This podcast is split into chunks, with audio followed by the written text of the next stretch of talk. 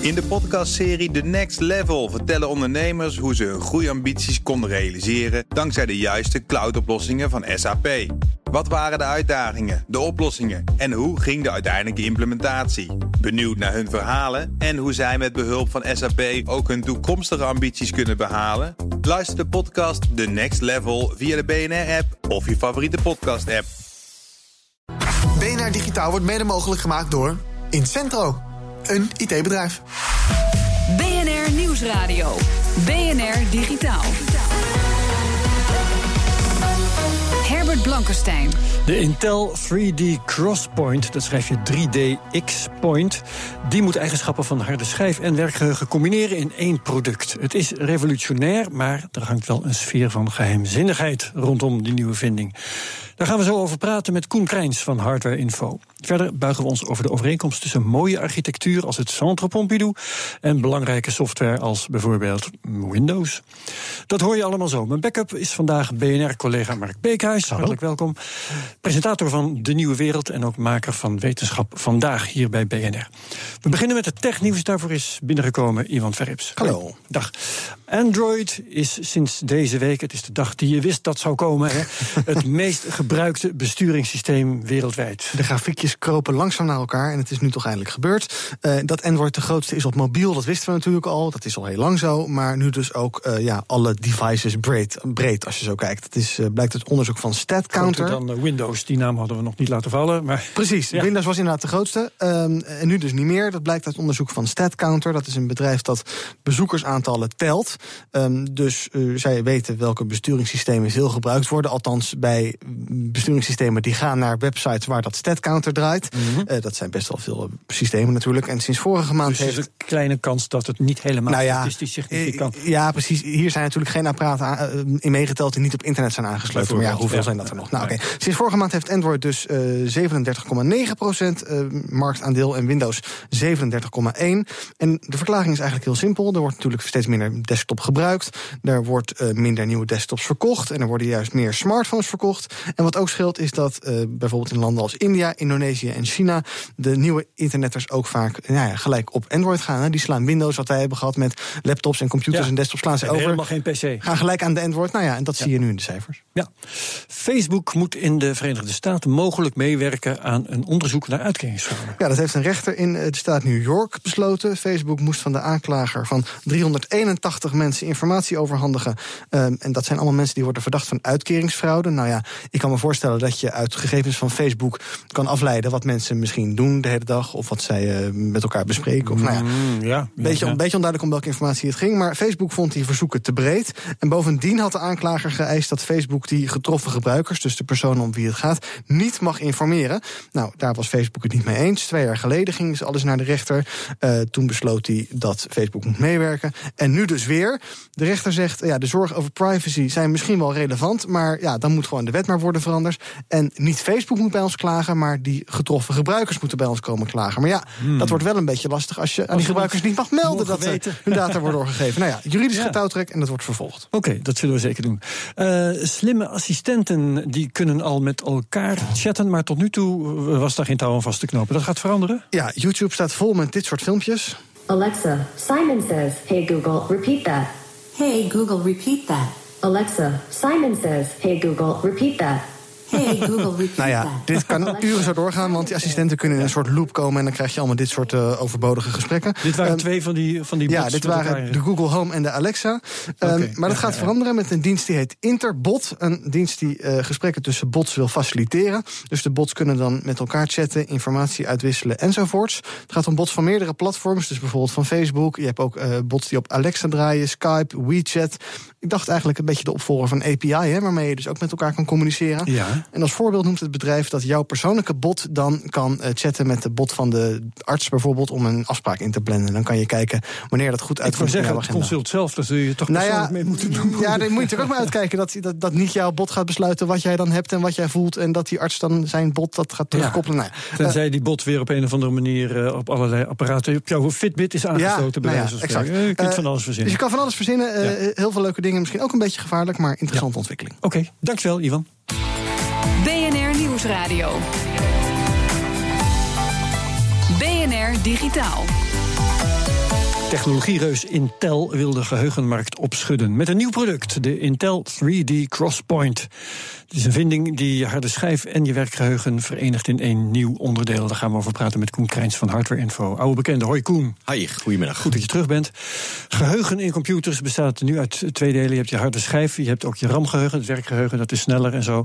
Um, en dit zou eigenschappen van allebei in zich verenigen. Leg eens uit. Ja, het werd uh, vorig jaar aangekondigd een beetje als het beste van twee werelden. Om het even de, de beide werelden te schetsen. Zo snel als het ene, zo goedkoop als het exact, andere. Je hebt ja. RAM-geheugen, is bloedsnel, maar je heeft ook als nadeel dat het uh, vrij duur is per gigabyte. Maar dat is het geheugen wat de computer gebruikt voor de data van de dingen waar die op dat moment mee bezig is.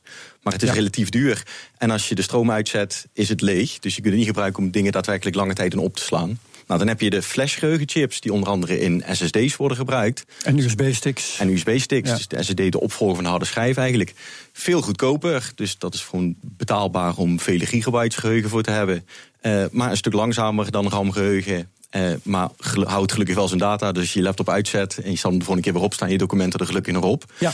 En het werd inderdaad beloofd als net zo uh, uh, goedkoop als flashgeheugen, net zo snel als RAM. En eigenlijk zouden zou je met een één type geheugen genoeg hebben. Alleen jij kent de dat uitdrukking zou ook. geweldig zijn, want dan heb je opeens een, een werkgeheugen van een terabyte, bij wijze van spreken. Exact. Maar Ja. if it sounds too good to be true, it usually is. Juist. Dus uh, waar het nu toch op neerkomt, is dat het niet zo snel is als RAM-geheugen. En ook op dit moment zeker nog niet zo goedkoop als flashgeheugen. Dus een, een visie van uh, beide soorten geheugen worden één, die is er nog niet. Uh, wat men nu voornamelijk uh, voor elkaar wil krijgen, is dat men op basis van dat 3D Crosspoint geheugen SSD's nog sneller kan gaan maken. Dus een SSD was al een heel stuk sneller dan die conventionele harde schijf. Ja. Iedereen die een laptop heeft met een SSD en vroeger eentje met een harde schijf had, die zal beamen dat dat veel sneller voelt.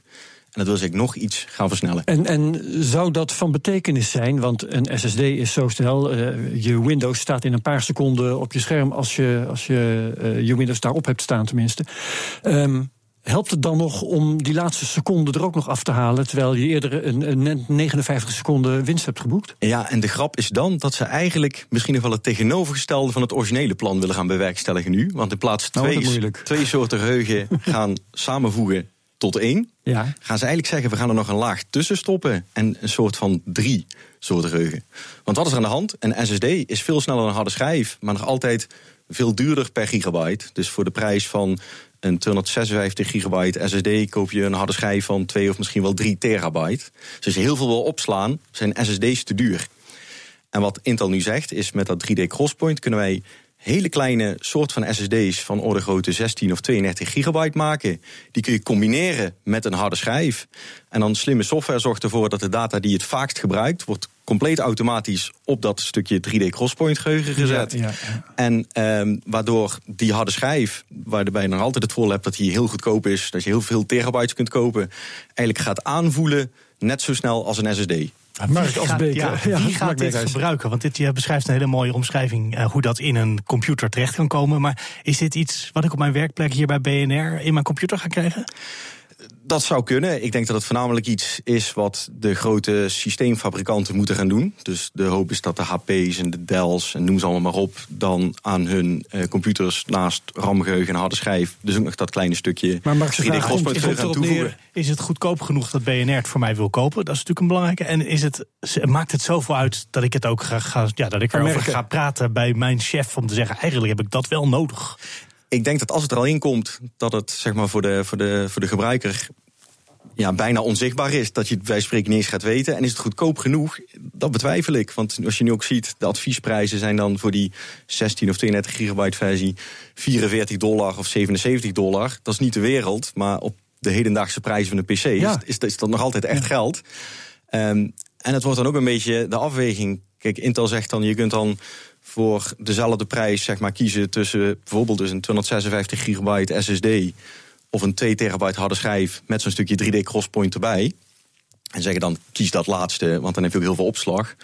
Maar ik denk eigenlijk dat voor 9 van de 10 mensen die 256 gigabyte SSD de betere oplossing is. Want die hebben niet wat meer. is dan de reden dat ze er nu mee naar buiten komen? Want het is niet wat het beloofd is. Uh, het is uh, onduidelijk hoe het werkt aan de binnenkant. Ze zullen ook heel veel bedrijven nog niet mee aan de slag gaan. Waarom komen ze hiermee nu naar buiten? Nou, ze komen hiermee naar buiten. Twee redenen. Enerzijds, alles wat nu duur is, kan uiteindelijk goedkoop worden. Als productie natuurlijk wordt verbeterd. Dus het is nu nog uh, orde grootte 4 dollar per gigabyte om te maken. Maar daarvoor moet je het eerst in voldoende, uh, in voldoende mate produceren. Anders exact. kan het niet goedkoop worden. En dus, dus gaat het nu al een selling point weer, maar, maar, het gaat pas, pas in grote hoeveelheden verkocht worden. Als het, en geproduceerd worden. Als het uh, niet vijf keer sneller is, maar richting die 10.000 keer. Wat was de bedoeling? Exact. En daarvoor is er wel nog een ander uh, een ander doel van dit geheugen. En dat is in de serverwereld. Want wat ze daar willen gaan doen is eigenlijk grote SSD's. Relatief groot. Dus daar krijg je dus al uh, opslag van orde grootte 400 gigabyte of nog meer. Compleet gebaseerd op dat 3D Crosspoint geheugen. Betaal je wel 1500 dollar voor. Dus dat heeft niks meer te maken met consumentenprijzen. Maar dat doet Google graag.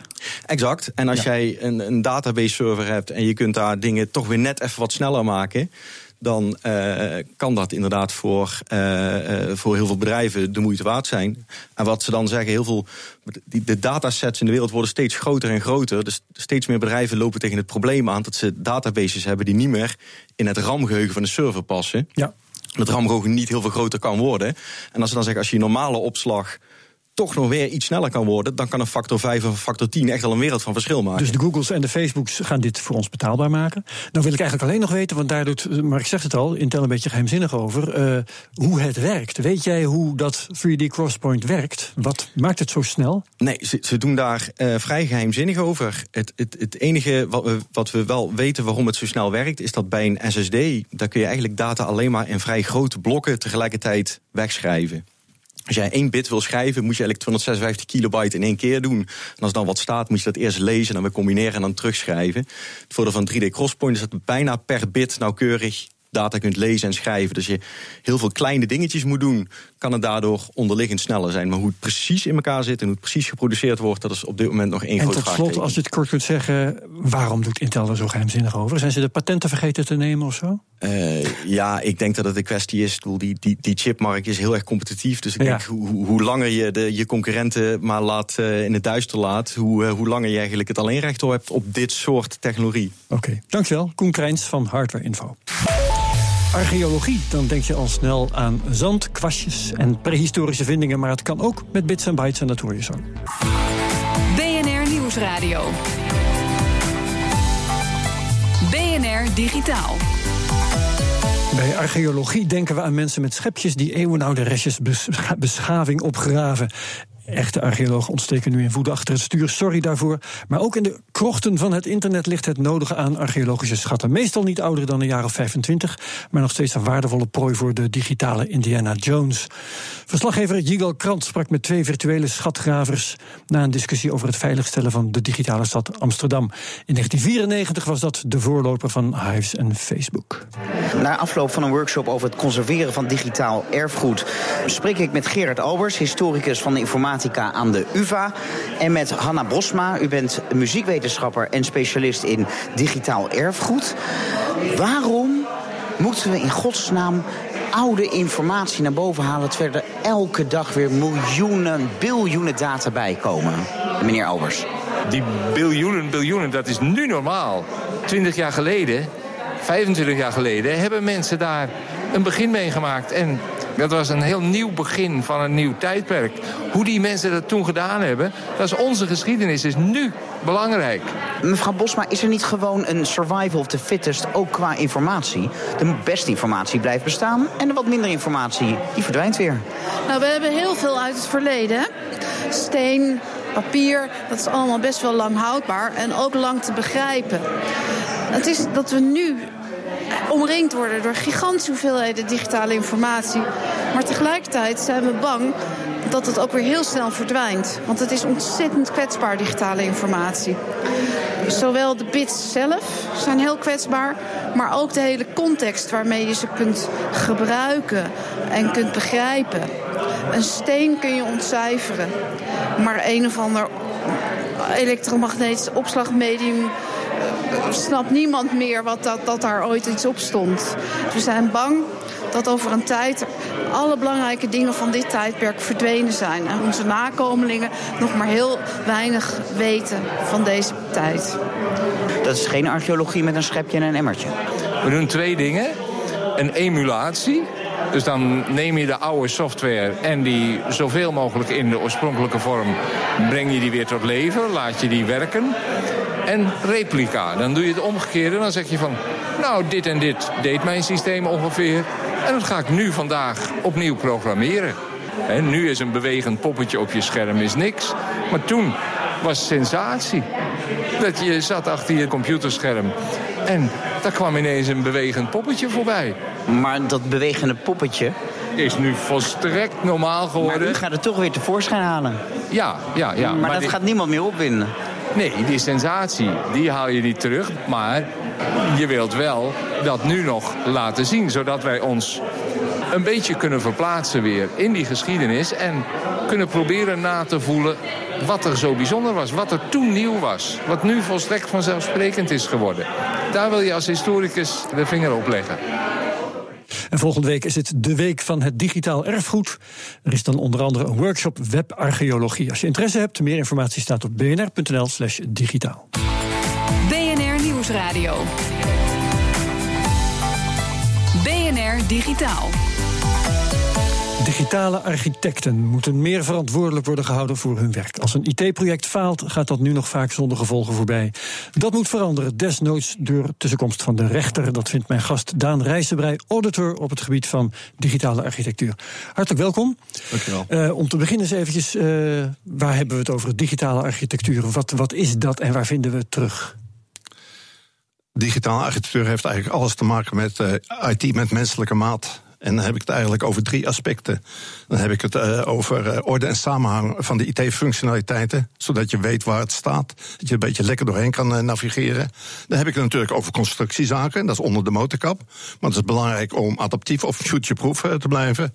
En het meest belangrijke vind ik een, fijne look en feel, een, een gebruikersbeleving die enthousiasmeert voor, om te werken met de IT. Ja, dus- dat zijn de drie aspecten. En bij de meeste architecturen zie ik dat er ontzaglijk veel technische zaken worden eh, behandeld. En dat die look and feel, dat is meestal een beetje het verdomhoekje. En die goede ordening, eh, dat mag ook wel wat beter. Ja, dus, dus er gaan dingen mis en eh, dat, dat zijn ook dingen waar de, waar de gebruiker iets van merkt. Dan Kun je, Nou, kun je de, de- dingen die misgaan, daar merkt die gebruiker niet zoveel van. Ik bedoel, de dingen die misgaan, dat kunnen we allemaal in de krant lezen. Dat is het toeslagensysteem, dat is eh, de VIA van de UWV. Eh, daar merk ik wel wat van, want dan, dan lees ik weer, weer 100 Zijn dat miljoen. aspecten van digitale architectuur, of niet? Dat is ook een aspect. Ja, dat is een, ook een aspect. van slechte architectuur. Eh, als ik het over, over een auto heb, dan heb ik het onder de motorkap. En dat is technische architectuur. En boven de motorkap, hoe kan je er lekker in zitten? Hoe kan je er lekker in rijden? En je kan iets maken, functionele architectuur, zeg maar boven de motorkap, wat ontzaglijk eh, fijn voelt. Als de onder de motorkap niet werkt, eh, dan Ja. kan je die ook niet gebruiken. Dus ze zijn beide even belangrijk.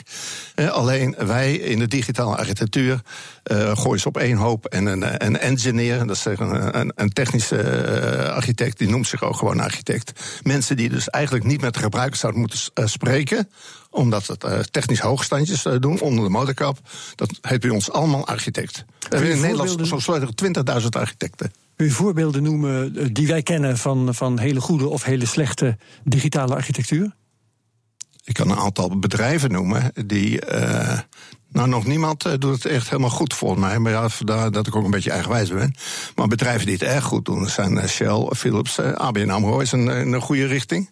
En ABN AMRO ziet ook dat het belangrijk is om zijn, haar applicatielandschap flexibeler te maken. Ja. En bedoel je dan hun, hun websites of hun app of wat?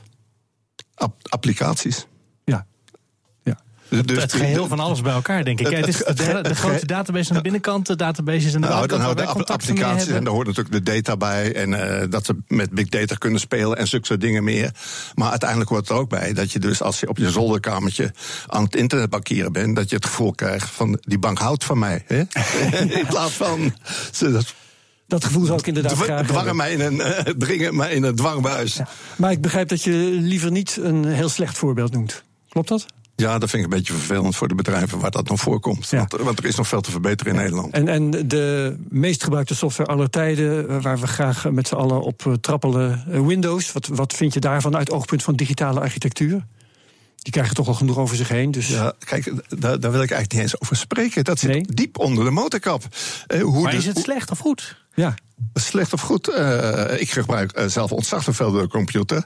En er zitten wat punten van verbetering. Ik vind uh, de eigenwijzigheid die Windows soms aan de dag legt. die denkt dat het beter weet dan ik, wat ik absoluut niet wil. En dat, dat ergert mij wel eens een keer. Maar ja. Als digitaal architect zeg ik van dat ligt diep onder de motorkap. En daar okay. wint je je enorm over op, dat zie ik. Ja, nee. Ja, omdat ik, omdat ik elke, elke dag al een paar keer tegen iets aanloop. Dan denk ik van verdomme. Wat, waarom doen ze dit nou? Ja. Maar dat zal elk operating system hebben. Dus uh, wat dat betreft. Uh. En je hebt uh, je daar ook wel over geuit in de, in de IT-pers. Um, en je vindt dat in het uiterste geval zo'n architect voor de rechter gesleept moet kunnen worden. Wat moet een architect, een digitaal architect, misdoen om, uh, om uh, voor de rechter te belanden. En een digitale architect is als het ware de rechterhand van de CIO, de Chief Information ja. Officer. Uh, en het belangrijkste, een, een van mijn klanten heeft ooit gezegd: het belangrijkste wat mijn Chief Digital Architect moet doen, is om te zorgen dat als ik een nieuwe richting insla, dat ik niet over vier, vijf jaar een vastloper krijg dus je moet zorgen dat datgene wat wordt gespecificeerd, dat dat toekomstbestendig is voor een toekomst die ik nog niet kan voorzien. De toekomst verandert zo snel. Ik weet niet waar het allemaal naartoe maar gaat, maar je moet kunnen bewegen. Hm? Wie kan dat? Zelfs als je ervoor geleerd hebt, wie kan wie, dat? Wie, kan dat? Ik, uh, wil, uh, ik, ik, durf te, uh, te stellen dat ik een toekomstbestendig toeslagensysteem zou kunnen maken. Wat volledig Tweede Kamerproef is. Wat je dus bij de overheid hoort, dat kan niet. Want het, eh, de, de, Tweede Kamer gilt maar wat. Hè, dat kunnen wij allemaal niet managen. Je kan natuurlijk eh, de, de stabiele en instabiele delen, de generieke delen. Je kan het allemaal netjes scheiden. En zodat wat die Tweede Kamer roept, dat het gewoon snel aanpasbaar is. Dat is niet gebeurd bij dat systeem. Maar wat lost het op als je in het uiterste geval een digitaal architect uh, voor de rechter sleept? Wij hebben te veel mensen die noemen zich uh, architect. Want het is zeer interessant om op een verjaardagsfeestje te zeggen van ik ben architect en wel in de digitale wereld. Dan heb je de aandacht voor de hele avond. Uh, dat moet afgelopen zijn. Het, feit dat jij dus de rechterhand van de CAO bent, een uitermate belangrijke persoon, dat betekent ook dat als het fout gaat, dat jij op je donder krijgt. En dat eventueel dat je aansprakelijk wordt gesteld van Jij hebt gezorgd dat wij dat doodlopende pad ingelopen zijn. Nou, legacies zijn doodlopende paden. En daar had je voor moeten letten. Uh, verouderde software, zeg maar. Legacy is verouderde software. Nou, verouderde software waar je eigenlijk als een dwangbuis in bent komen te zitten... waar je bijna niet meer uit kan komen. Maar dit is een architect, die zegt de rechterhand van de CIO. Dus die werkt bij de opdrachtgever, degene die een uitbesteding doet voor nieuwe software. Ga je dan je eigen medewerker, je één na hoogste medewerker, zelf voor de rechter slepen? Wie moet daar dan nee, nee, het voortouw nee, in nemen? Nee, nee, nee, nee, nee we, we, hebben een hele variëteit aan, uh, aan architecten. Sommige architecten zitten, zitten bij de opdrachtgever. Uh, en uh, waar je het nu over hebt, dat noemen wij solution architect. Dat is een beetje een slecht Nederlands woord. maar die staan voor een oplossing. En die kunnen dus bij de leverancier zitten. En uh, uh, ik, ik, ik, bedoel, als je bij de leverancier zit, dan zeg ik van als hij een foute beslissing heeft genomen, dan moet dat tot de rechtbank aan toe uh, worden, kunnen worden vervolgd. Dan moet, dan moet je maar een beetje beter opletten. Ja, ja moet je er zo in ah, kunnen? Dat, dat, dat kan, dat kan. Ik heb er met een aantal IT-advocaten over gesproken. Dat kan. En deze ideeën van jou, um, leven die een beetje? Heb je, is het makkelijk om je collega's daarin mee te krijgen? Gaat dat gebeuren? Een aantal wel, ja. Een aantal wel. Kijk, van die 20.000 architecten die er rondlopen, zijn er uh, misschien wel 10.000 die eigenlijk niet architect zijn. In ware zin des woords. die, die, die, uh, die zijn uh, nogal technisch of die brengen mooie dingen in kaart. Maar een kadastraal medewerker in de fysieke wereld noemen wij geen architect. Hoewel die wel knap en nuttig werk doet. In de IT noemen we het allemaal architect. Okay. En daar moet er eigenlijk een einde aan komen. Dankjewel, digitaal architect en auditor van digitaal architecten Daan Rijsenbrei. Tot zover BNR Digitaal voor nu. Mark Begers was mijn backup, waarvoor hartelijk dank. En de hele uitzending kun je terugluisteren via de BNR-app op bnr.nl slash digitaal, onze podcast. En ook via Spotify. Heel graag tot volgende week. BNR Digitaal wordt mede mogelijk gemaakt door Incentro, een IT-bedrijf. In de podcastserie The Next Level vertellen ondernemers hoe ze hun groeiambities konden realiseren dankzij de juiste cloudoplossingen van SAP. Wat waren de uitdagingen, de oplossingen en hoe ging de uiteindelijke implementatie? Benieuwd naar hun verhalen en hoe zij met behulp van SAP ook hun toekomstige ambities kunnen behalen? Luister de podcast The Next Level via de BNR-app of je favoriete podcast-app.